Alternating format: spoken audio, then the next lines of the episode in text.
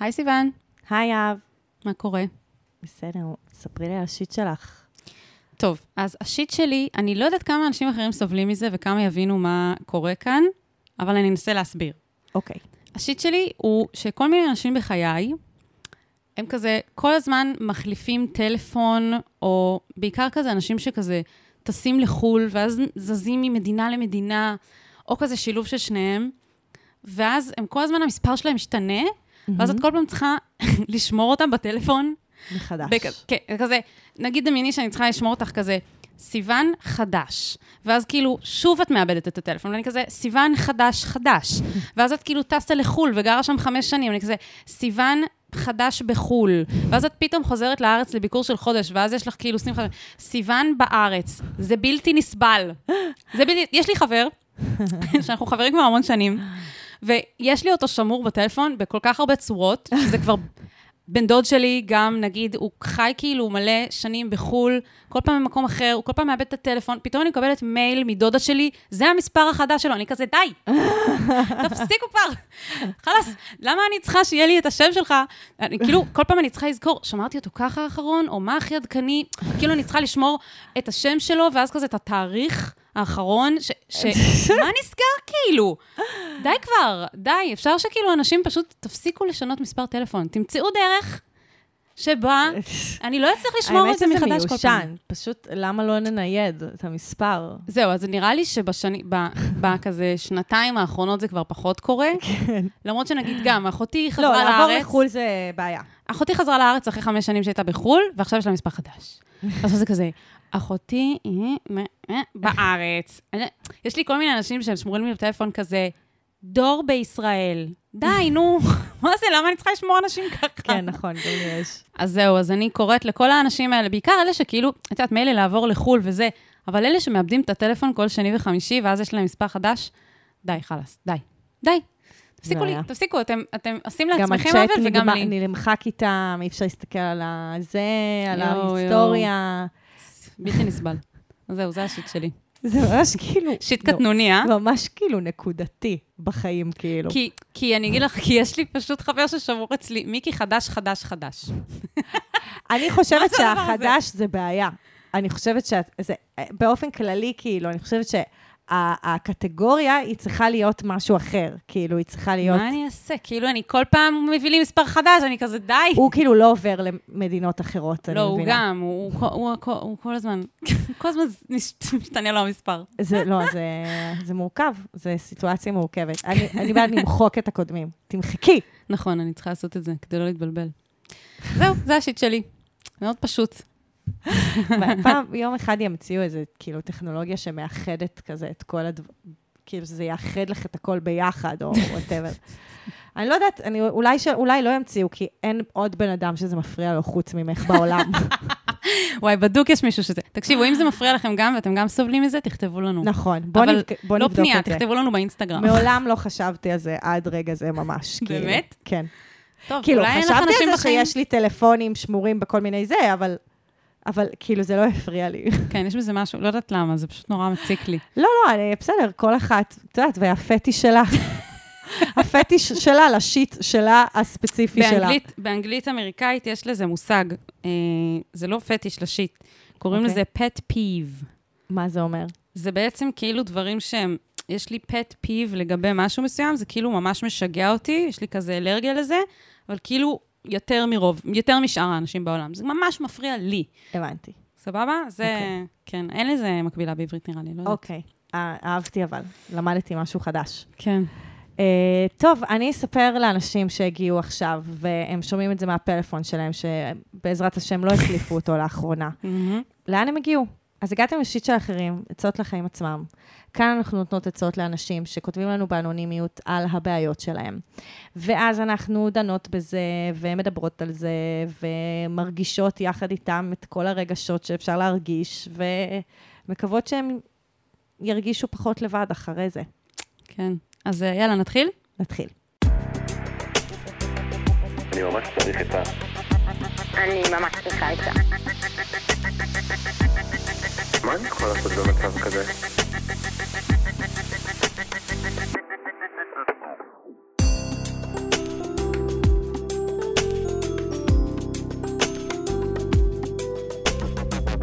אחרים. אז הפנייה הראשונה שלנו היא מפולי מיי, בת 28. אז השיט שלי זה שהבוסית שלי מסריחה. ליטרלי מסריחה. וגם קצת מעבר, אבל זה לפעם אחרת. לא יודעת בדיוק מה זה הריח הזה, זה לא חרא, אבל מחליא לא פחות. היא חזרה לפני שבוע בערך מביקור משפחתי ארוך בחו"ל. ביום שהיא חזרה התחבקנו והבטן שלי ממש התהפכה. קיוויתי שזה מקרי ושלמחרת זה יעבור, אבל כבר שבוע עבר ועדיין יש לה את הריח הנורא הזה. ממש קשה לי לעבוד בסביבתה. הריח שלה גם נשאר אחריה במקומות שהיא שוהה בהם הרבה זמן. אני לא מרגישה בנוח להעיר לה על זה, כי היא אישה מבוגרת וגם מין טיפוס כזה שעדיף להיות בצד הטוב שלו. בינתיים אין דיבור על זה בין העובדים האחרים, אני מניחה שגם הם סובלים, אבל היא נמצאת יותר בסביבתי מתוקף תפקידי, אז יכול להיות שאני מרגישה את זה יותר. חשבתי לבקש ממישהו אחר שידבר איתה על זה, אבל אני לא רוצה ליצור רכילות סביבה כדי לא לפגוע בה. וגם לא רוצה שמי שידבר איתה על זה יסגיר אותי, ואז ייצור מצב עוד יותר מביך שהיא תשאל אותי למה לא אמרתי לה. זה ממש מגעיל אותי, התיאבון שלי מדוכא בעבודה וקשה לי לאכול ארוחת צהריים. זה אפילו קצת מכעיס אותי שאני צריכה לסבול את זה, כי נראה לי לא הגיוני שהיא עצמה לא שמה לב. יחד עם זאת, אני מכבדת את הבוסית שלי ומאוד לא רוצה לפגוע בה. איך גורמים לה לכבס את כל הבגדים שלה ולעשות מקלחת של הלייף? וואי, איזה פנייה, זה איזה פשוט- פנייה. זה שיט מדהים. כאילו, גם קשה וגם סופר מיוחדת. וגם, זה כאילו גם קליל וגם לא קליל בו נכון, זמנית. כי ממש. זה כאילו, זה קצת משהו קצת הומוריסט, כאילו כן, קצת כן. מצחיק בזה כן. שהיא... כן. נכון? אבל מצד שני זה לא מצחיק זה אם לא אתה צריך מצחיק. לסבול מזה. וזה גם, באמת, זה פנייה טובה, היא... יש בה clickbait כזה. נכון, וגם אה, כאילו אני, אני מרגישה שפונים אלינו בהרבה שאלות באמת מורכבות, שהרבה פעמים אני, בפעם הראשונה שאני קוראת אותם, אני כזה, וואי, מה עושים? אין לי מושג. ואז אני כאילו כן. קצת חושבת על זה, ואז אני אוספת את עצמי וחושבת על מה להגיד, אבל כאילו זה באמת, אני מרגישה שזו פנייה קשה במובן הזה שכאילו, יש משהו כמעט בלתי אפשרי בלבוא לבן אדם ולהגיד לו, שאין לו ריח טוב. יש, אתה מסריח. כאילו, כן. יש בזה משהו באמת יותר קשה מלהגיד המון דברים אחרים שהם כביכול יותר כבדים, נכון. ויש להם יותר משמעות, נכון.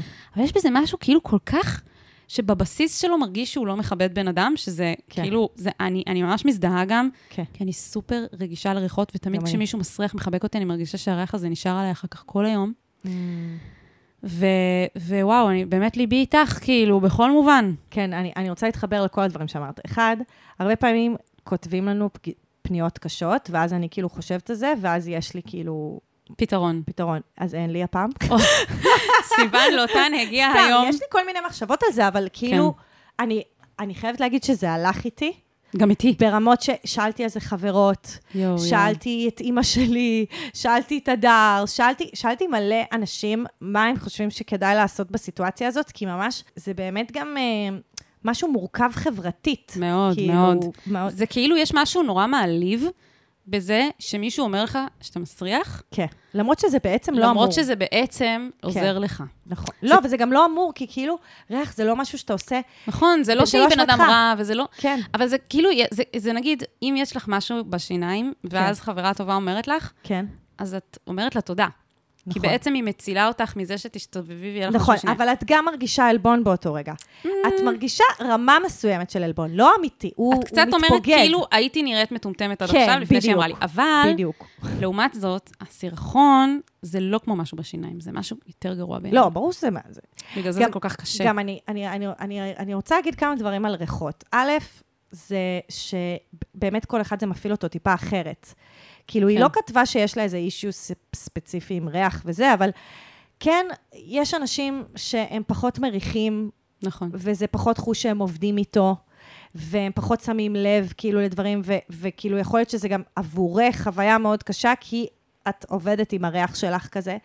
גם יש עניין, זה נשמע שכאילו באמת קרה משהו, כי היא אומרת שהיא חזרה מחו"ל, ופוף, קרה משהו, כאילו. לא, לא, היא, היא, אני חושבת שהיא אומרת שהיא תמיד מסריחה, אבל, אבל עכשיו זה כבר זה מוגזם. החמיר. כן.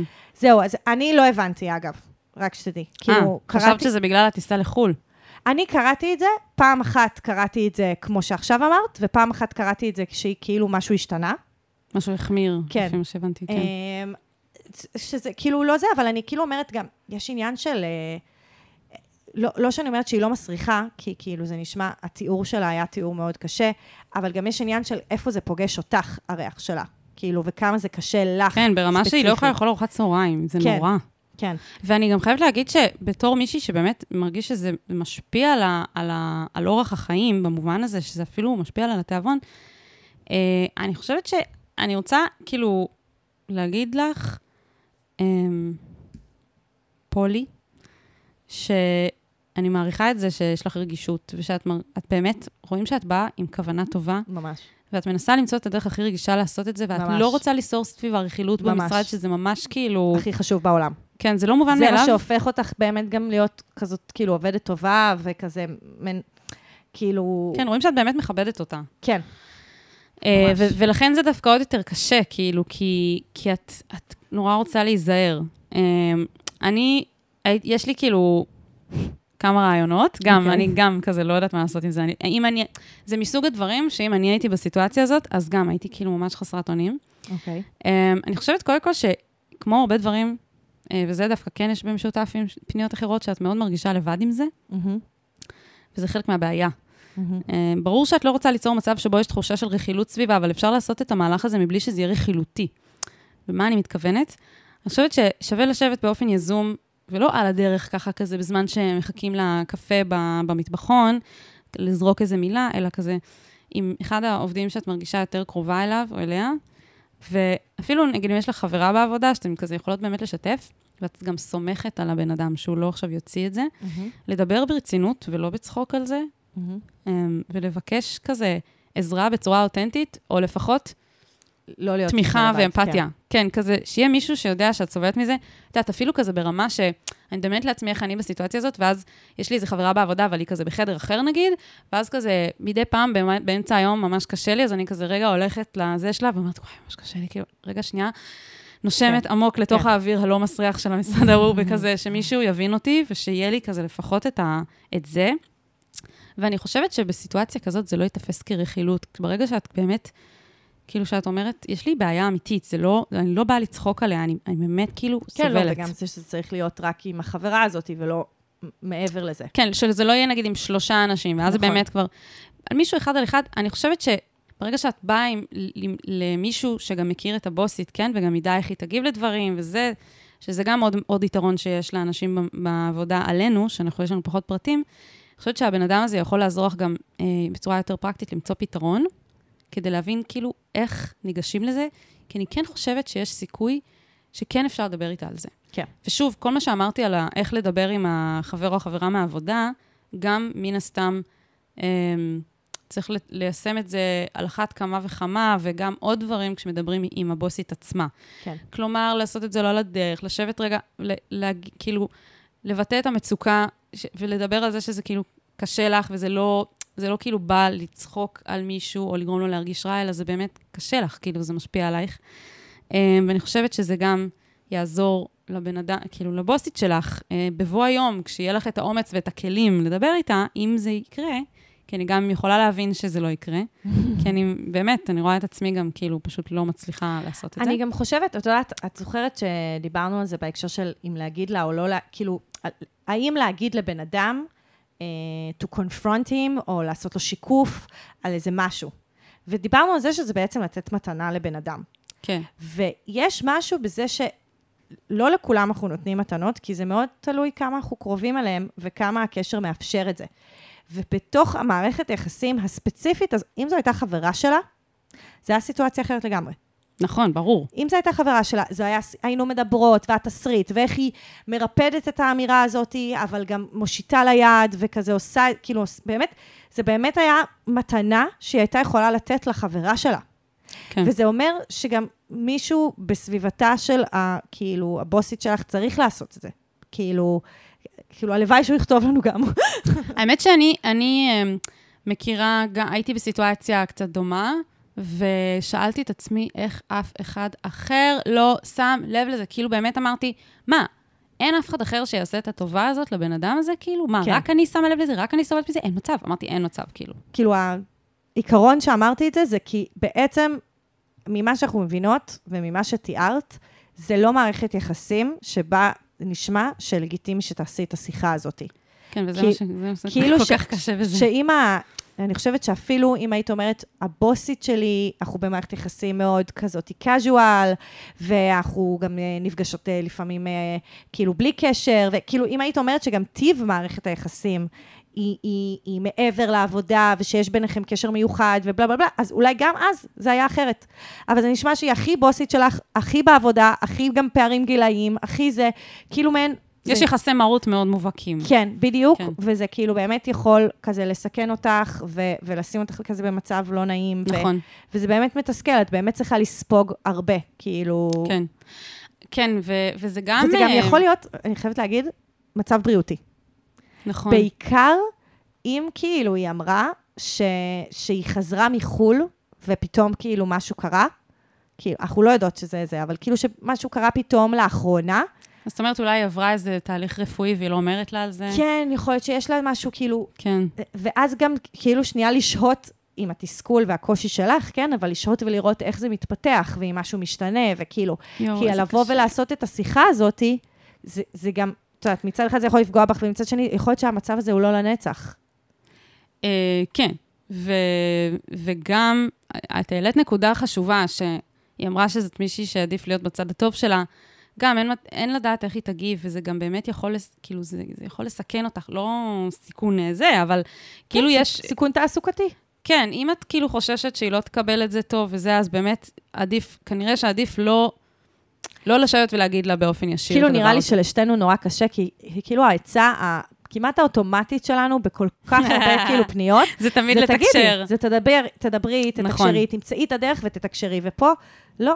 פה זה לא בהכרח הדבר הכי כן, אופטימלי ובאמת לעשות. שכל מי שהתייעצתי איתו, גם מעבר לזה, כאילו, אף אחד לא היה כזה שתמצא את הדרך להגיד לה את זה. לא, אף אחד לא אמר את זה. כי, כי, אף אחד לא, כי אף אחד לא באמת אה, מסוגל לעשות את זה בעצמו. זה לא מסוגל, זה, אני חושבת שזה באמת גם להבין מערכות יחסים ולהבין אה, קודים חברתיים, ושזה באמת לא בקוד החברתי, כאילו, כן, את חושבת שזה זה. לא בקוד? לא, טוב, לא אני יודעת. חושבת שזה לא בקוד החברתי. שוב, אה, פירטנו למה, כאילו, סוג המערכת יחסים, סוג כן. הבוסית שהיא, סוג הזה, ו, וגם, אח, כאילו, אז, אז אני חושבת שכאילו, את צריכה למ- למצוא דרכים להתמודד עם זה, לא דרך תקשורת איתה, כאילו, ואימא שלי הגרמניה והפרקטית, כאילו, אז היא כזה אמרה, ואני מסכ... חושבת שכאילו, זה באמת המעט שהיא יכולה לעשות כזה בתוך הסיטואציה, זה אולי כזה לדבר על, על עצמה, כאילו שהיא צריכה, אה, נגיד, לשמור על הבריאות שלה, והיא מסתובבת עם מסכה בגלל הקורונה או וואטאבר, כאילו להמציא איזשהו תירוץ של בריאותי. מהמם. כאילו, אני מדברת על, אה, על אה, פולי. על פולי. כאילו שפולי שומרת על מרחק, לא מחבקת, שמה מסכה, כן, אבל אז מה, היא צריכה עכשיו לעשות את ההצגה הזאת עם כל כן. שאר העובדים? ברמה מסוימת. וואה, וואי, זה ממש להטות על עצמך איזה זהות אה, פייק, כאילו, זה... אני, אני חושבת שזה קצת, אה, זה קצת אה, ל- ל- ללכת רחוק עם, ה, עם ההצגה, אבל אני כן, יש, היה לי עוד רעיון אחד, שאני לא יודעת כמה הוא פרקטי, כי הרבה פעמים כשמוסיפים ריח טוב על ריח שהוא כבר רע, זה רק הופך את זה ליותר גרוע. נכון. כמו כל מיני כאלה מטהרי אוויר, נכון, שעושים אחרי הקקי, זה, זה לא עובד. נכון. אה, מה שכן, יש לי... אה, אני אשים תמונה, ב, ב, אולי אני, אני אשים לינק ל, למוצר הזה ספציפית. יש מוצר שמוכרים אותו בארצות הברית בכל מיני אה, אה, חנויות עישון כאלה, אוקיי. שהוא הוא לא מטהר אוויר, הוא מנטרל ריחות על אמת, ומי משתמש בזה? סטלנים. סטלנים. שרוצים ש- להעביר את הריח של ה... של כן, אז נגיד, אז אני זוכרת שנסעתי עם מישהו ברכב בארצות הברית, והוא הוציא את זה, והוא עשה את זה לפני שעצר אותנו שוטר, כי הוא עישן באוטו. Mm. אז ופתאום, היא יכולה לעשות את זה בחדר שלה. וזה אשכרה עובד. לא מריחים את הריח הרע אחרי הדבר הזה. אוקיי. אמ, ואני ממליצה אולי כזה, לא יודעת, אה, היא פתאום יוצאת לשירותים רגע, לעשות קצת, לפחות זה ייתן לך קצת כאילו אה, אוויר לנשימה כזה לכמה דקות לפחות. אז יש את זה, או לפני שהיא נכנסת בבוקר, לא יודעת מה. וגם, אמ, אני לא יודעת אם את אוהבת קטורת, או כזה, אם זה בכלל יכול להתגבר על, ה, על הריח הרע שלה, אבל קטורת הרבה פעמים הוא מאוד אה, משתלט, ו, וזה שזה משהו שהוא עם עשן, כאילו שמשהו כן. שהוא נשרף, הרבה כן. פעמים מטהר את אבל לא האוויר. נראה לי שזה לגיטימי שתשים קטורת במשרד. אז זהו, אז למה, נכון, יש, יש מטהרי אוויר שהם לא מסריחים כמו האלה ששמים אחרי השירותים. אני לא מכירה כאלה. את לא מעריכה עכשיו שיש פה אחד? רגע, אני אראה לך. תריחי את זה. מה, את רומזת לי שאני מסריחה, לא? לא, זה אצלי בבית. סתם. מעניין, אוקיי. זה, אגב, זה גם אנחנו- מארצות הברית. אמ, אה, זה כזה מין דבר קטן ששמים על השולחן, והוא פשוט אה, עושה כן, ריח ויש טוב. לזה ריח של כביסה. זה קטע, אני בכלל לא הרחתי את זה, ואני מה זה רגישה לריחות. אבל זה, כי זה ריח ממש טוב. הוא פשוט, לא, לא, לא הרחתי כלום. זה כאילו ניטרלי כזה. כן. אה, יכול להיות שבאמת יש דברים ששווה לשים אותם ממש קרובים אלייך, ואז לפחות את תריחי אותם. כן. אה, ו... לאכול צהריים מחוץ למשרד. נכון. אה, וגם, וואי, עכשיו הבאת לי רעיון שלא חשבתי עליו. יכול להיות שיש מוצרים, אני, אני אחפש, נעשה איזה מחקר. יכול להיות שיש מוצרים שאת שמה כאילו בתוך האף, כן, כל הבנגיי, כאילו כל ה... שפשוט אה, אה, נותנים ריח אחר. שאת, שנותנים קונטרה לריח אחר שאת מריחה. כן, וואו, זה קשוח כאילו עכשיו משחה לעבוד כזאת. כל היום, כל היום לעבוד עם ריח אחר. או כן, עם... לא, זה צריך, הכל צריך להיות בגבולות. כמו שעכשיו, הדבר הזה שאמרתי עם הלשמור מרחק וקורונה ועניינים, אז זה, זה צריך להיות במידה, במידת הסביר. לא עכשיו כן. שאת הופכת להיות בן אדם היפוכונדר מ-0 ל-100, כן. אלא שאת כזה, לא יודעת מה, שומרת יותר על מרחק מאנשים, כי מישהו בבית אה, לא בטוב. כאילו, לא יודעת, מה, כן. משהו כזה, או שכזה, את אה, שמה מדי פעם, אם את צריכה עכשיו לעבוד איתה צמוד, אז את שמה את הזה. או כן. אם את אה, מדי פעם אוכלת צהריים בחוץ. אה, או... את יודעת מה יכול לעזור? יש את הספריים האלה שאת את שמה באף אה, כשאת אה, מצוננת, כדי לשחרר את הסינוסים, ויש לזה ריח כזה של מנטה. אבל זה ממכר, אז, אז לא נמליץ על זה. Mm, כן, זה ממכר? כן. אוי, שיט. בעיה גדולה, כי היא צריכה את זה כל הזמן. זה, את רואה? אוי, בעיה. טוב, קיצר, הרבה אה, דברים פרקטיים לעצה הזאתי, ותמיכה רגשית. כן. אבל, ובעיקר, אני חושבת שאם יש עוד בן אדם אחד שאת כן יכולה לשתף בזה, אז לפחות את לא, את לא מרגישה עם זה ממש לבד, ו... נכון. ויכול להיות שהדברים זה. השתנו, אני באמת אומרת. כאילו, יכול להיות שעכשיו הלוואי. המצב ממש גרוע, ושכאילו, זה באמת נשמע שאם משהו החמיר, יכול להיות שגם משהו יירגע. כן.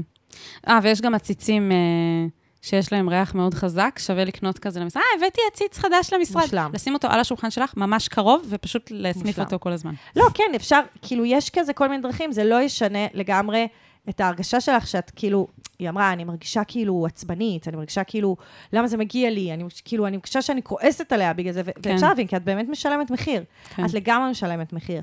אבל זה קשור באמת למערכת יחסים של, באופן כללי, עובד של מישהו.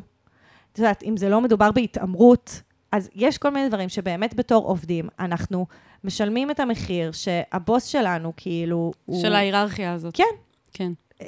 כאילו, לא בצורה רעה רק, כאילו, לא בצורה אה, פוגענית, אלא, כן, זה חלק מהמחיר שאנחנו משלמים. כן. חרא. היא אמרה, אה, לא ריח של חרא, אבל מחליא באותה מידה, כן. אז אה, בהחלט חרא. נסיים עם... עם זה, שיט. זה שיט רציני. זה שיט רציני, כן. יאללה, בהצלחה. מלא בהצלחה. תספרי לנו מה, באיזה שיטה השתמשת, ואם זה כן. עבד, ואם זה קצת אה, שיפר את הבעיה. כן, אנחנו נשמח לשמוע.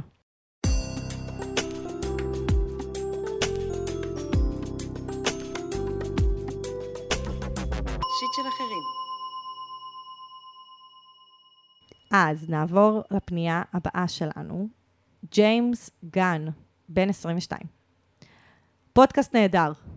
תודה לך. ועכשיו לנושא. אני א-מיני ואני לא גאה בזה.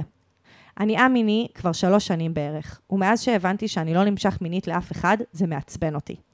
איך ייתכן שהאבולוציה השאירה את הנטייה הזאת? מה האינטרס שלי לקבל אותה? אני נמצא בקבוצה של א-מיניים, ושם עדיין לא הצלחתי לדבר עם אף אחד על חוסר השייכות שלי לקבוצה, שהמשותף להם הוא חוסר רצון למשהו. בסוגריים, כמו קבוצה של אנשים עם צו עיכוב יציאה מהארץ, לדוגמה. האם יש דרך בה אצליח להרגיש שהנטייה המינית שלי היא לא נטל רגשי ומנטלי?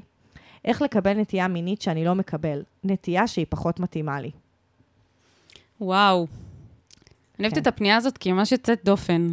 נכון. כאילו יש בה משהו, היו לנו אגב גם כמה פניות בעבר על אנשים שאו חושבים שהם א-מיניים, או הם א-מיניים, מזדהים כא-מיניים, וכאילו פתאום יש פה משהו, באופן כללי, אה, כל מיני אנשים שפונים אלינו בדברים שקשורים לנטייה המינית שלהם, אה, הרבה פעמים זה, זה כאילו, אוקיי, זה מי שאני, אני יודע מי שזה, שזה מי שאני, אבל אה, זה מביא איתו כל מיני אתגרים, ובמקרה הזה, האתגר הוא ההגדרה עצמה. כן. שהוא, שהוא כאילו לא רוצה לקבל אותה, למרות שהוא, ברור לו שהוא כזה, לפי מה שהוא כותב. נכון. אני, אני אגיד רגע מה זה המיני. אוקיי. אמ, הכי קל להבין את זה, זה שנכון, אה, אנשים סטרייטים, אז הם אה, נמשכים, נגיד, אני אישה נמשכת רק לגברים ולא נמשכת לנשים, אז א-מיניים לא נמשכים לא לנשים ולא לגברים. בעצם מה שאת חשה כלפי נשים, א-מיניים חשים כלפי כולם. בדיוק. זה מה שאת רוצה להגיד. בדיוק. אוקיי. זה לא כזה נכון לגביי, אבל... אבל לשם הדוגמה. והמיניות היא גם איזשהו קשת כזאת, כאילו שמדברים עליה, שזה איזשהו ציר, שאני, יכול להיות שהמיניות, שהחשק המיני שלי הוא, הוא, במק, הוא פשוט במקום נמוך יותר מלמשל אה, רצפים אחרים, כמו אה, משיכה רומנטית, משיכה אינטלקטואלית אה, וכולי. אה, ובעצם הוא, אה, ג'יימס, אה, שכותב לנו, נמצא ב, בספקטרום של המשיכה המינית בצורה, במקום מאוד נמוך יחסית. כן, וגם צריך לציין שגם בן אדם א-מיני יכול להיות במערכת יחסים זוגית, פשוט שאין כן. בה מיניות. גם הם יכולים להיות רומנטיים, אבל לא מיניים. נכון. שזה, נראה לי שזו נקודה חשובה, כי אני שואלת את עצמי, כאילו, אני לא יודעת, אין פה הרבה מידע בפנייה, אבל אני שואלת את עצמי גם אם uh, יצא לך להיות במערכת יחסים זוגית, ג'יימס, כאילו לא כתבת, לא פירטת, אם זה אי פעם קרה, אם היית רוצה שזה יקרה, אם אתה כן רומנטי אבל א-מיני, לא יודעת. Uh, ואני חושבת שגם בזה יש איזשהו, כאילו, הוא אומר, כאילו, אני מרגיש שאני חלק מקבוצה, שמה שמגדיר אותה זה לא. כן. Um, ואני לא חושבת שזה, אני לא חושבת שההגדרה הזאת של לא, היא בהכרח כאילו כל המהות של א-מיניים. כן. אני חושבת שיש שם אולי עוד דברים שיש uh, לך במשותף עם האנשים האלה, שקשורים דווקא לדברים שהם כן, ושפשוט כאילו עדיין אולי אתה לא במקום ש, ש, שמרגיש מספיק בנוח בשביל להתחיל להתחבר uh, סביב הדברים האלה. אוקיי. Um, אז אולי גם ניקח זמן. כן. עכשיו, אני, אני רוצה להגיד רגע איזו אמירה כללית על המצב שהוא נמצא בו. Mm-hmm. וזה שבעצם יש בי איזושהי קריאה, כמובן, אה, להגיד לו כזה, "ת- תלך לטיפול ותעשה איזשהו בירור. אבל זו אמירה מאוד מסוכנת, כי זה יכול להתפרש כאילו שתלך לטיפול אם אתה לא שלם עם עצמך ותלך לשנות את זה. Mm. וחשוב לי להגיד שזה לא המצב, ושללכת לטיפול באמת צריך לבחור את זה בקפידה ולראות אצל מי אתה הולך לטיפול, וזה באמת... כי, כי מאוד בקלות, גם כשאתה לא מרוצה, שזה זה, זה בסדר שאתה לא מרוצה ושאתה לא מרגיש בנוח עם מה שאתה מרגיש, להגיע למקום שישאל אותך למה אתה ככה, Mm. זו שאלה בעייתית. Uh, כי מניחה אוטומטית שיש משהו לא בסדר במה שאתה חווה. וכשאתה רוצה ללכת לטיפול, כי אתה לא מרגיש בשלם עם הנטייה המינית שלך, השאלה היא לא למה, אלא השאלה היא מה. מה אתה מרגיש, מה אתה חווה, מה קורה לך, מה היית רוצה להרגיש, איך היית, אמ, אמ, כאילו באיזה קשרים אתה רוצה להיות, מה זה? עכשיו, ואני אגיד, אגיד שזה זה מאוד tricky, ואני מכשי, אני מכשירה, מטפ, כאילו אני מכשירה באוניברסיטה, אמ, אני עושה קורס בעבודה סוציאלית לחבר'ה שהולכים להיות עובדים סוציאליים על איך לדבר על מיניות. וזה קו מאוד מאוד מאוד דק, כי אני יכולה להיות, ב, ב, כאילו כמטפלת צעירה וכולי, שמישהו יגיד שהוא לא מרוצה, ובעצם כאילו לדבר איתו על, אוקיי, אז בוא נראה איך אתה כן נמשך, וזה בעיה, כאילו כן. זה באמת בעיה, ו... ואני רוצה גם להתייחס לזה שנייה במובן התיאורטי. זה לא סתם קורה למטפלים שאין להם שום כוונה לפגוע, חשוב לי להגיד. הם לא חושבים שזה יכול להתפרש כטיפולי המרה, זה, שוב, טיפולי המרה זה משהו כאילו מאוד קיצוני גם, זה עם, כן. עם כוונה. זה יכול להתפרש כעמדה שיפוטית להיות בה ולגרום לבן אדם לא להרגיש בנוח עם המקום שהוא נמצא בו. וזה לא סתם קורה. עכשיו, גייל רובין זאת uh, כותבת uh, פמיניסטית, שכתבה בשנות ה-80 מאמר שהוא בעיניי כזה ממש uh, משנה חברתית כזה בכל מיני הקשרים של איך מסתכלים על מיניות. קוראים למאמר הזה Thinking Sex, והיא כאילו מדברת על זה שהסקסולוגיה פועלת לפעמים כמו אידיאולוגיה דתית, שכאילו תחת ערכים uh, כאילו פסיכולוגיים מנסה לחברת אנשים לאיזה מיניות צריכה להיות ואיזה לא. והיא אומרת שכאילו החברה מחליטה איזה מיניות היא נורמטיבית ואיזה מיניות היא לא נורמטיבית. כאילו, אני חושבת שזה גם, זה, זה מתחבר לעוד המון פניות שיש לנו, כאילו, בנושאים האלה. כזה שהמיניות הנורמטיבית היא המיניות ה... הטרוסקסואלית, שרוצים יחסי מין, אה, מונוגמית, ונילית, בזוג, אה, בפרטיות, בלי צעצועים ועזרים, כאילו, כאילו ממש כזה, בצורה מאוד, כאילו זה יש דרך אחת, וכל מה שהוא לא נופל בקטגוריה הזאתי, הוא אה, סוטה וצריך לשנות אותו. כלומר, את אומרת, גם אם זה דברים שהם כאילו על דרך השלילה, כמו שהוא מתאר, mm-hmm. למשל, אני לא רוצה לקיים מערכת יחסים מינית עם בן אדם אחר, אבל אני כן מאונן, נגיד, אוקיי? Mm-hmm. גם זה, זה עדיין כאילו, אני מקיים מיניות, פשוט לא עם אנשים אחרים, ואין mm-hmm. בזה שום דבר לא בסדר. אה, ברור. ברור, ואני אומרת שבעצם יש איזושהי אה, הבניה חברתית מאוד מאוד, כאילו, התסריט המיני שאנחנו ש... מדברות עליו, שגם, שוב, שכאילו, יש איזו חלוקה מאוד דיכוטומית כזאת בחברה שלנו, של מה נכון ומה לא נכון, ומה נורמלי ומה לא נורמלי, כשמה שגייל רובין אומרת, שהדבר היחיד שצריך לשים אה, את ההפרדה בין מה נורמלי ללא נורמלי, זה הסכמה. כאילו, הסכמה ורצון. כאילו, אם זה נעשה מהסכמה ורצון, זה נורמלי. כאילו הדדיות, את מתכוונת. לא הדדיות. כאילו, שכאילו, האקט עצמו נעשה בהסכמה ורצון. כאילו, אני רוצה, בהקשר שלו, גם לדבר לא רק על הדדיות, אלא גם שנייה, כאילו, כניסה פנימה כזה, כי יש שם כאילו חלקים שאתה לא שלם איתם בתוך, בתוך החוויה שלך, ואני חושבת שזה גם מאוד קשור לאופן שבו שנים על גבי שנים גורמים לנו לחשוב על מיניות בצורה מסוימת. Mm-hmm. וכאילו, את הבאת אה, עוד כזה מישהי שתעזור לנו לענות, והיא מאוד, אה, היא ממש מתייחסת לזה. אבל היכולת שלך להרגיש שלם עם, עם מה שאתה מרגיש, היא מאוד מאוד קשה כשאתה חי בחברה ששמה את כל המיניות שלנו על איזה שהם אוזניים, ומחלקת את זה למה בסדר ומה לא בסדר. והסיכוי שאתה תרגיש עם עצמך שלם ובטוב, הוא באמת מאוד קטן. כאילו, יש לך איזה דרך לעשות שהיא גם לצלוח כאילו את, ה, את הדבר החברתי הזה שיושב עליך וגורם לך להרגיש בעצם שזה סטייה.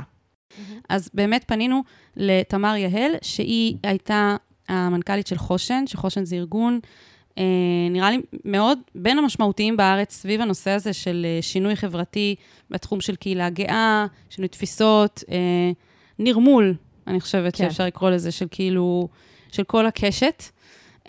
עושים עבודה חינוכית מדהימה, ויש לה כמה דברים מאוד חשובים להגיד בנושא הזה. אז בואו נשמע אותה. אז אני תמר יהל, אני הייתי מנכ"לית חושן, ארגון החינוך וההסברה של הקהילה הגאה עד לפני שנה וחצי. אמ, רציתי להגיד קודם כל שזה באמת מסע וזה באמת דרך שכולנו בקהילה נראה לי עוברים, אנחנו גדלים ואנחנו סופגים המון המון אה, ידע והמון הנחות מהסביבה שלנו, וגם אני שיצאתי מהארון כלסבית, קודם כל הייתי צריכה רגע להתמודד מול עצמי עם הדבר הזה, כי אני למדתי כל החיים שלסבית בזה משהו מסוים, וזה משהו לא כל כך חיובי, וזה משהו שלא רציתי אף פעם להזדהות איתו. שלא הרגשתי שייכת אליו. וזה שגיליתי על עצמי שגם אני כזו, זה לא אומר שביום בהיר אחד, בבת אחת, אני מקבלת את כל, ה, כל הדברים שלמדתי כל החיים פתאום נעלמים, ואני אומרת, אחלה, איזה כיף, אני לסבית. לא, אני צריכה כאילו להתמודד מול עצמי עם כל הידע הזה שצברתי לאורך השנים. אז, אה, וזה נראה לי מאוד, הרבה מאוד אנשים בקהילה הגאה, מכל הזהויות, יכולים להזדהות עם הדבר הזה שאתה מציף פה, בגלל ש... אנחנו באמת גם כן גדלים בחברה הישראלית, שיכולה להיות חברה עם הרבה להט"בופוביה, עם הרבה גזענות, עם הרבה שוביניזם, וזה שאנחנו שייכים לזהות כזאת או אחרת, זה לא אומר שאנחנו לא גם כן למדנו את אותם דברים. אז אני מציעה באמת לדבר עם אנשים ולקחת את הזמן כדי לעבור איזשהו תהליך עם הזהות הזאת. לי זה לקח גם הרבה שנים, אפילו אחרי שנכנסתי לזוגיות. נראה לי שעד שנהייתי ממש אימא, כאילו, והבנתי פתאום שאני צריכה להתייחס לזה אחרת, אז, אז, אה, אז לא הייתי במקום שלם עם הזהות הזו על עצמי. אז אני ממש מבינה את זה. העלית גם את העניין של אה, זהות שמבוססת על דרך השלילה. אני לא חושבת שזה נכון, אני חושבת שאפשר גם להגדיר א-מיניות בצורה אחרת, של היכולת לרקום יחסים משמעותיים עם אנשים, שמיניות היא לא חלק מהם, ויש דברים אחרים שמחברים.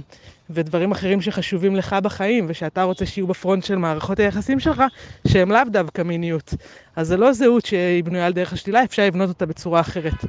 אה, ברמה הפרקטית, לי היה ממש ממש מעניין אה, לראות אה, וידאו אה, של אה, הרצאת TED של גאיה שטיינברג, ישראלית, ככה דוברת מאוד משמעותית של הקהילה המינית בישראל, והיא באמת מדברת על המקום הזה של אה, איך בונים מערכות יחסים אה, ואיזה סוגים של מערכות יחסים יכולים להיות לנו בחיים כשמיניות היא לא חלק מהם, וזה ממש שינה לי את הצורת הסתכלות שאפילו אני בתור בן אדם כן מיני, חשבתי פתאום, וואלה, אני יכול להיות אפילו מפסידה דברים מתוך זה שאני אדם מיני. אה, ודבר שני, יש פורום אה, שנקרא מאי של אה, מודעות א-מינית בישראל, שאני יודעת שיש בו הרבה תמיכה ושיח ומידע, אז נראה לי כמה שיותר לקרוא, לדבר, לשוחח על הדבר הזה, עד שבאמת תרגיש יותר שלם ויהיה לך ככה את ה ownership הגאה על הזהות הזו. אז אני ממש אהבתי איך שהיא התייחסה באמת להקשר החברתי. זה היה מאוד יפה, היא הסתכלה על זה מהרבה בחינות. כאילו, גם באמת בהקשר של ההפנמה של המסרים שאנחנו מקבלים, ואיזושהי בעצם אה, שנאה שאני מפנה לעצמי בגלל זה. כן. אה, נקרא לזה הומופוביה מופנמת. הומופוביה מופנמת, כן. כן. ו, ומצד שני, גם בעצם חוסר היכולת לראות את היתרונות של זה, כאילו, שהחברה מייצרת אצלנו, וכאילו היא, אה, איך היא אמרה, כאילו, בוא תראה מה אתה מרוויח מזה, כאילו, Mm. העמקה של, של קשרים בצורה אחרת, שכאילו, מה העולם מפסיד שאתה לא רואה, כאילו, זה ממש כזה יפהפה ההסתכלות המאוד חיובית שלה. כן, לגמרי. אה, ואהבתי שהיא גם המליצה על אה, מקומות שאתה יכול ללכת להמשיך לחקור ולשאול שאלות וללמוד על זה. אני חושבת שגם לפעמים אם אנחנו מבינים על עצמנו משהו, אנחנו לא תמיד בהכרח יודעים איך כאילו לנתב את דרכנו בחברה עם הזהות הזאת, שעכשיו אנחנו הבנו על עצמנו. ויש המון המון חומר שם בחוץ, אה, של אנשים ש...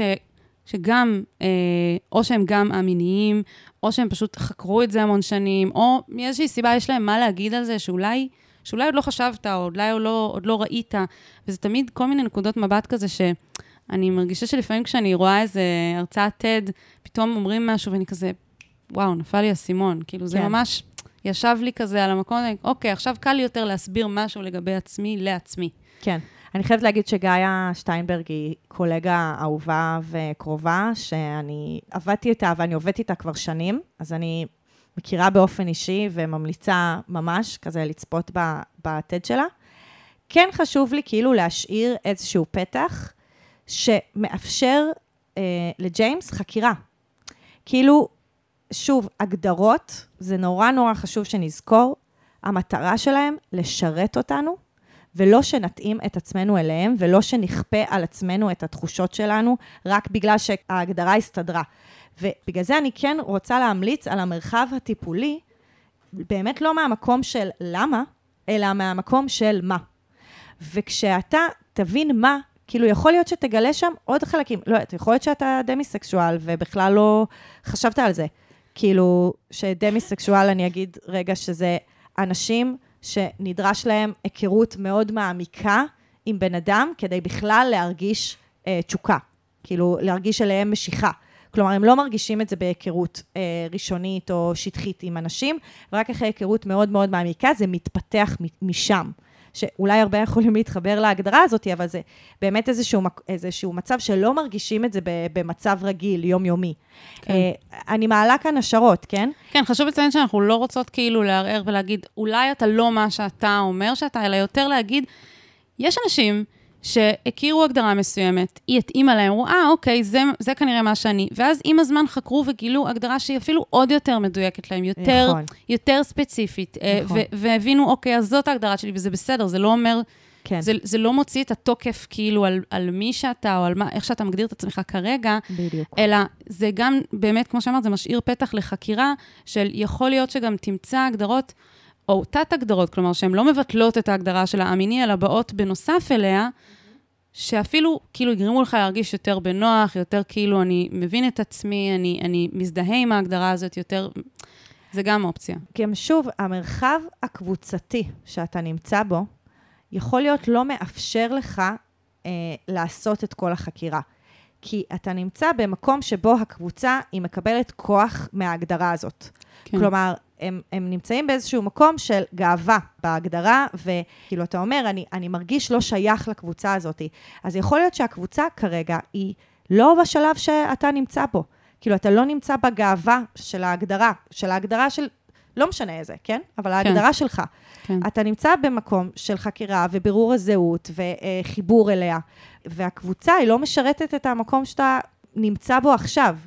ובגלל זה אני חושבת שטיפול יכול להיות מרחב יותר מוגן, כי זה מרחב שבו אתה יכול גם להעלות דברים לא פופולריים, ולהגיד דברים כאילו קצת, כמו שכתבת גם לנו פה, שכאילו בתוך קבוצה של המיניים יכול להרגיש להם שזה, אתה מבטל אותם, או שאתה מבטל כן. את התחושות, או שזה כאילו, יכול להיות שלא, כן? יכול להיות שגם קבוצה היא מרחב טוב בשביל זה, אבל, אבל כאילו להיות גם בתוך מרחב אישי ש, שחוקר את זה, יכול לאפשר לך לגלות דברים על עצמך.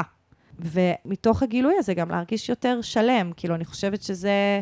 זה בסוף המטרה כן, של כולנו. כן, אני חושבת, ש... ואני חושבת להגיד, זה לא רק בהקשר של, של זהות מינית. אני חושבת שכולנו, כשאנחנו הולכים לטיפול ואנחנו מגלים את עצמנו, מבינים את עצמנו טוב יותר, יש לנו יותר יכולת לחמלה אה, כלפי עצמנו, ויש לנו יותר יכולת לאהוב את עצמנו. כלומר, זה לא רק בהקשר של הזהות. כן, לגמרי. ובכלל, אה, ממש מומלץ לכולם ללכת לטיפול תמיד, כן? כן, אם לא... זה, זה, זה שורה התחתונה. תמיד יכול לעזור, ואף פעם לא יכול להזיק, אה, כל עוד בוחרים אה, מטפל או מטפלת שבאמת אנחנו יכולים לסמוך עליהם ש... שהם לא יפגעו בנו. זה גם... נכון. כמו שאמרת מקודם, שכאילו, מטפלים שהם, אין להם כוונה לפגוע, אבל כאילו, צריך... יש פה צורך אה, לוודא שאתה הולך למטפל הנכון. מטפל שהוא להט"ב פרנדלי, אני חושבת, כן. חושבת שיעשה את העבודה. כאילו, כן. זה לא צריך להיות איזה משהו, לא איזה מומחה, זה לא חייב להיות טיפול מיני, כאילו, זה פשוט יכול להיות מטפל שהוא להט"ב פרנדלי, הוא מכיר את ההגדרות, הוא מכיר את, את, את כן. העולמות האלה, ו... כן, ואגב, דווקא בהקשר הזה, אני חושבת שהקבוצה כן יכולה לעזור. Mm-hmm. גם אם אולי הקבוצה לא מתאימה לך להיות חלק ממנה בזמן הזה, בתקופה הזאת, אני כן חושבת שמה שטוב זה ש... אולי מישהו, חבר או חברה מהקבוצה, אה, יש להם, הם הולכים לטיפול והם מרוצים, והם אומרים, אוקיי, הבן אדם הזה, המטפל או המטפלת האלה מתאימים למישהו שמגדיר את עצמו ככה, ולא מערערים על ההגדרה הזאת, אז זה, זה עוד משאב שהקבוצה יכולה לתת, כאילו. נכון. דברים מהסוג הזה. נכון.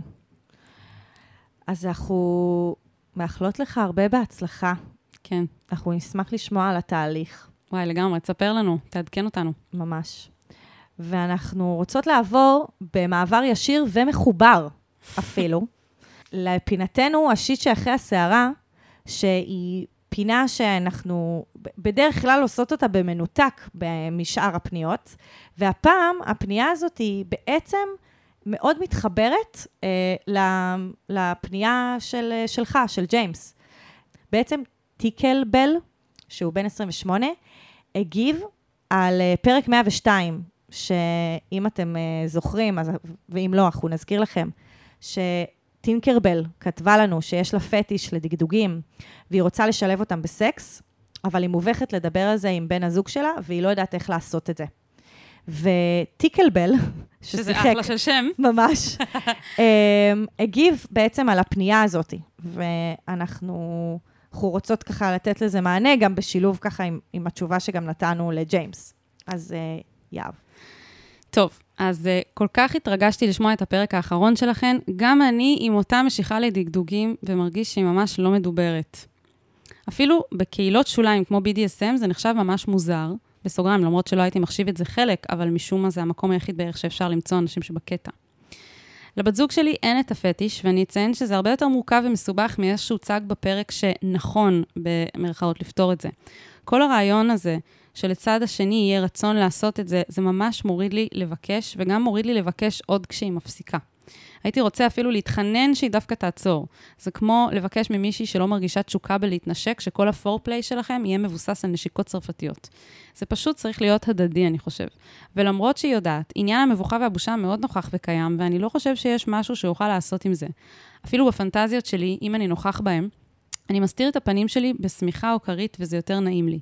לפעמים, מרוב שאני רוצה את זה, אני מרגיש שאני בורח עם הראש בזמן סקס לשם, למקום שאני מדגדג ומדוגדג, בסוגריים או אנשים אחרים, ובכלל לא נמצא עם הפרטנרית.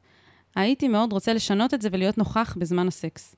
קשה לי עם סקס בכללי, ואני די מרגיש שזה לא בשבילי. אני מרגיש שאני מתפשר על זה כדי למצוא פורקן לדחפים המיניים שלי, שלא הולכים לכיוון הזה, וזה הכי fucked up, כי זה אמור להיות בכלל הפוך.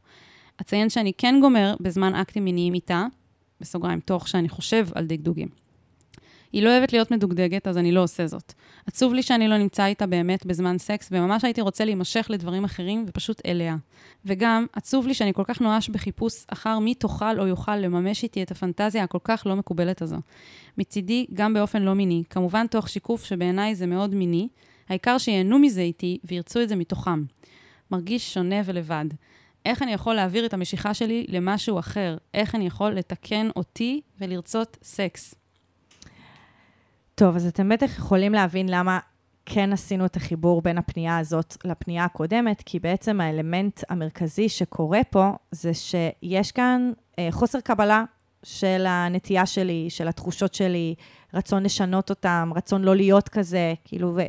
וזה באמת דורש איזושהי רגישות גם במענה שלנו, שגם מאוד מתקשרת למה שאמרתי לג'יימס, גם בהקשר של ההבניות החברתיות שיש לנו, של גייל רובין, שחילקה כאילו ואמרה שיש נורמלי ולא נורמלי, ואז באמת הבושה הזאת ש, שטיקל אה, מתאר פה, כאילו, הבושה הזאת של לבוא ולדבר על זה ולהרגיש שאני כל כך שונה, כאילו, הנה, אתה רואה שאתה לא כל כך שונה, ו- ואני בטוחה שיש עוד כמוך. אבל uh, החברה שלנו עושה את החלוקה הדיכוטומית הזאת. ההסתכלות שלנו, אפילו, שוב, אנשי ה...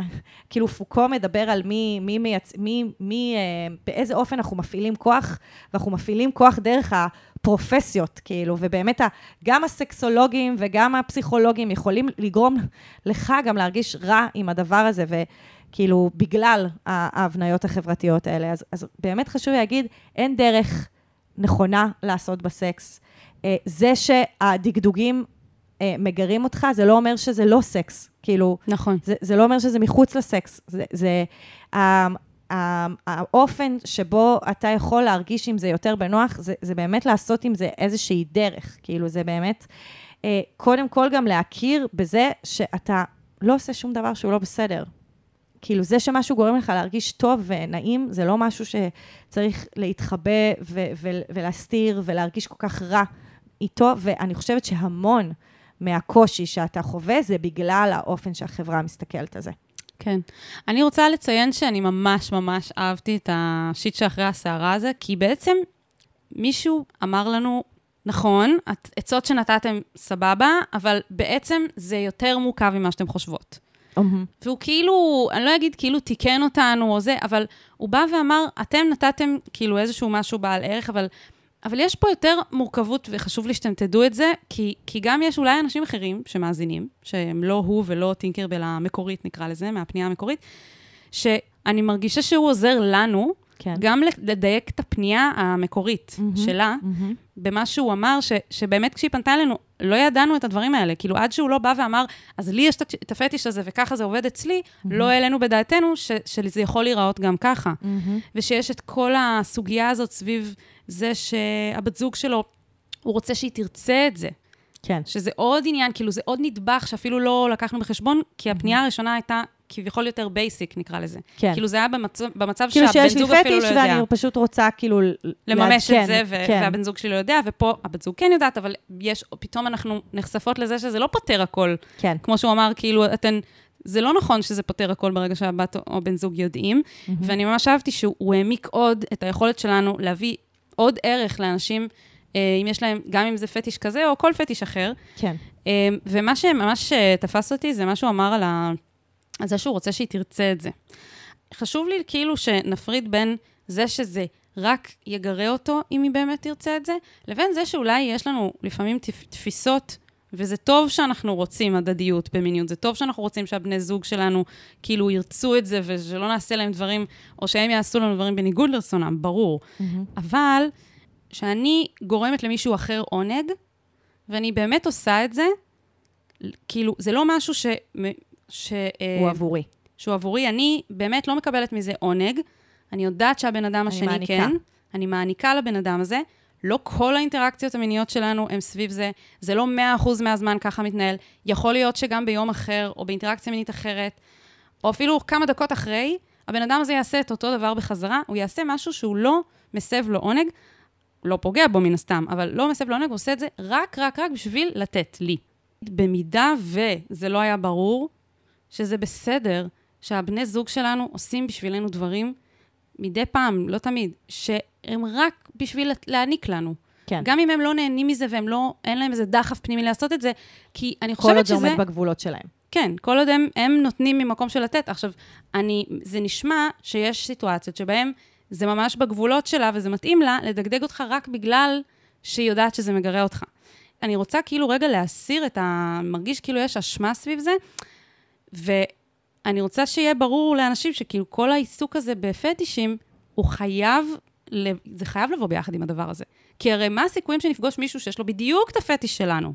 כן, נכון? אין סיכ... במיוחד אם זה משהו שהוא נדיר. כן. אז כאילו, מן הסתם אנחנו לא בוחרים את הבני ובנות זוג שלנו רק לפי הפטישים המיניים שלהם, Mm-hmm. והאם זה מתאים לנו. אז יוצא שבעצם באינטראקציות המיניות שלנו, אנחנו לפעמים נעניק רק בשביל להעניק.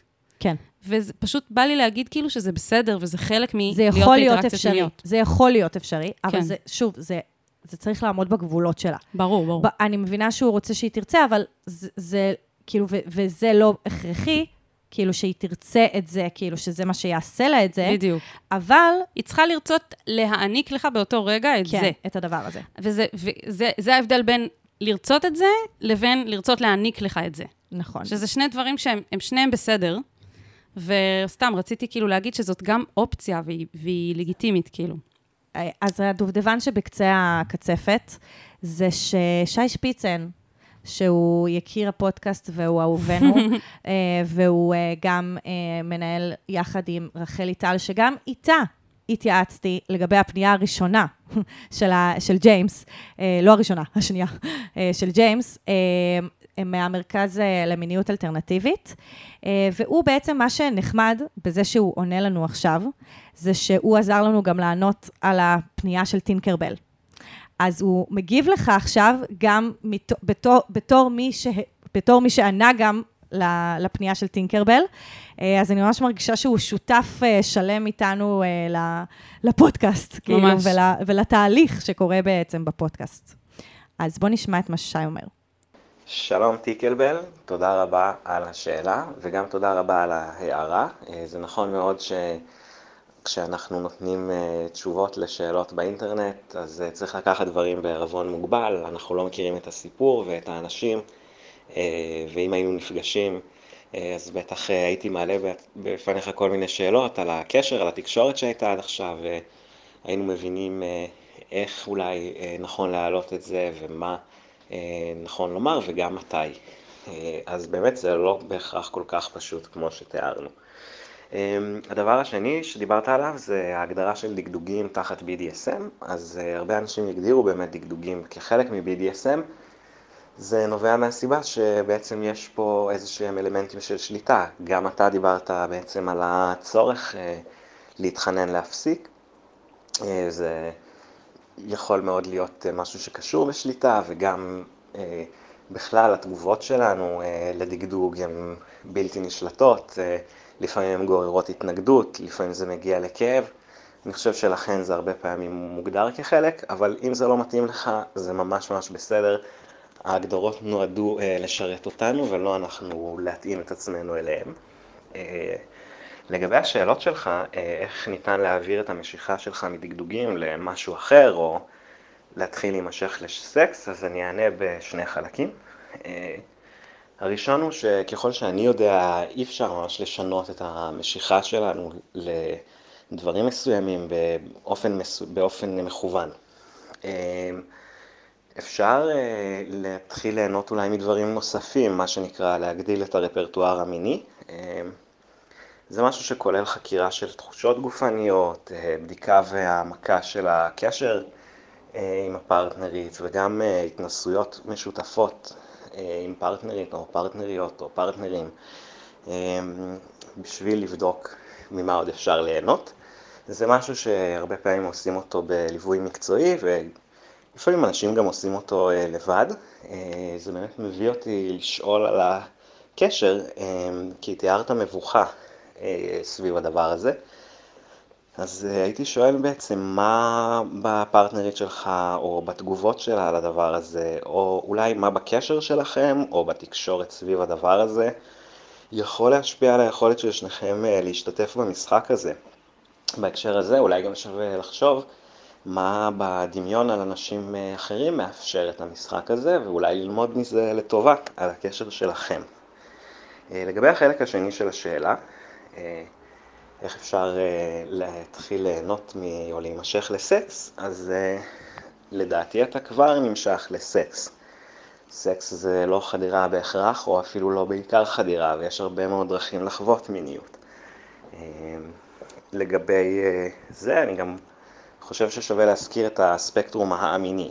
Uh, זה ספקטרום שכולל בתוכו אולי מה שייחשב לדחף מיני מופחת, או משיכה לדברים שהם לא חדירה, כי אנשים באמת מגדירים סקס כחדירה.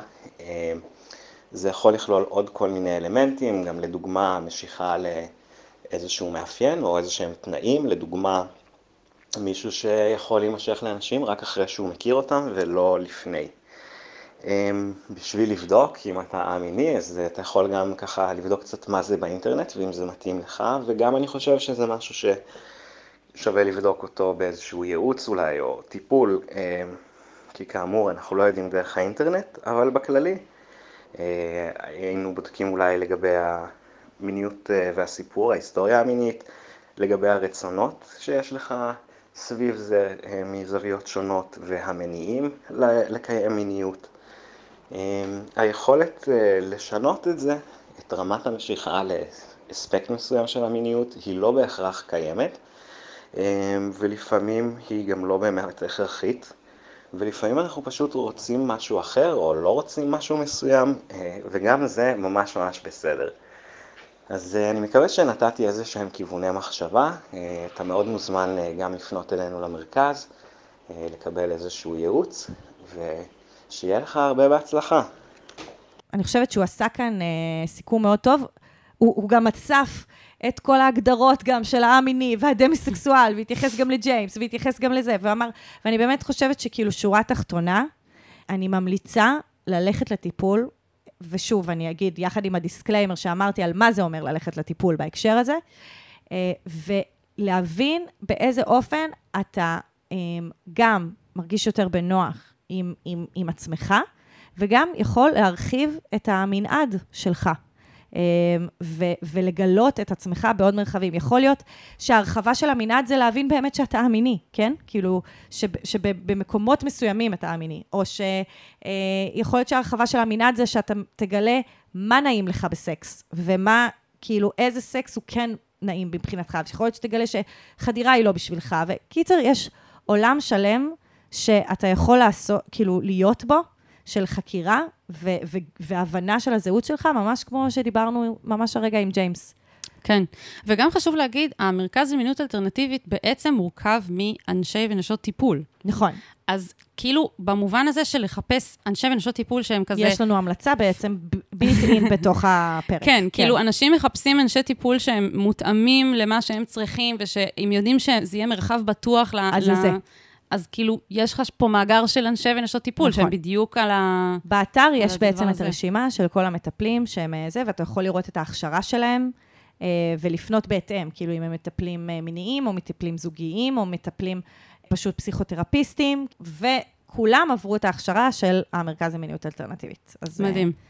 כן. אז תודה לשי, ותודה לתמר, ותודה לפונים שלנו, ולפונות שלנו. זה היה פרק אה, מעולה. זה היה פרק מאוד מגוון. גדוש בכל מיני דברים מאוד שונים. ממש. כן, ואני מקווה בשביל כולם שהאלמנטים השונים של הפרק לא יתחברו, ושהסירחון לא יתחבר עם המיניות. וואי, לגמרי. לפחות לא יהיה מישהו שמסריח בסקס. לא, יש חלק א' וחלק ב' ל... כן, נושאים שונים. כן, ממש. ותספרי לנו, סיוון, מה צריך לעשות בן אדם שרוצה לפנות אלינו? אוקיי, אז ממש בתיאור הפרק, איפה שאתם נמצאים, יש לינק לטופס פניות אנונימי שאתם יכולים לגשת אליו. אה, יש גם את הטופס הזה בקבוצת הפייסבוק שלנו, שיט של אחרים, עצות לחיים עצמם. חוץ מזה, תעקבו אחרינו באינסטגרם, שם יהב עושה צחוקייה. אם אתם תמיד טוע- טועים ממי אתם מדברים שם. לפעמים אני נכנסת אחרי זה להודעות ומגיבה בדיליי, כזה, היי, עכשיו זאת סיוון, ויש לי עוד ככה וככה להגיד לכם, או לשלוח לכם עוד לב. אז uh, תדעו את זה. וחוץ מזה, כזה תלחצו על חמישה כוכבים איפה שאתם לא מאזינים, ותרחיבו את, uh, מ- את המנעד שלנו.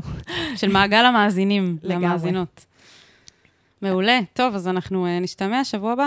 יאללה, ביי. יאללה, ביי. אני ממש צריך את ה... אני ממש צריכה עצה. מה אני יכול לעשות במצב כזה?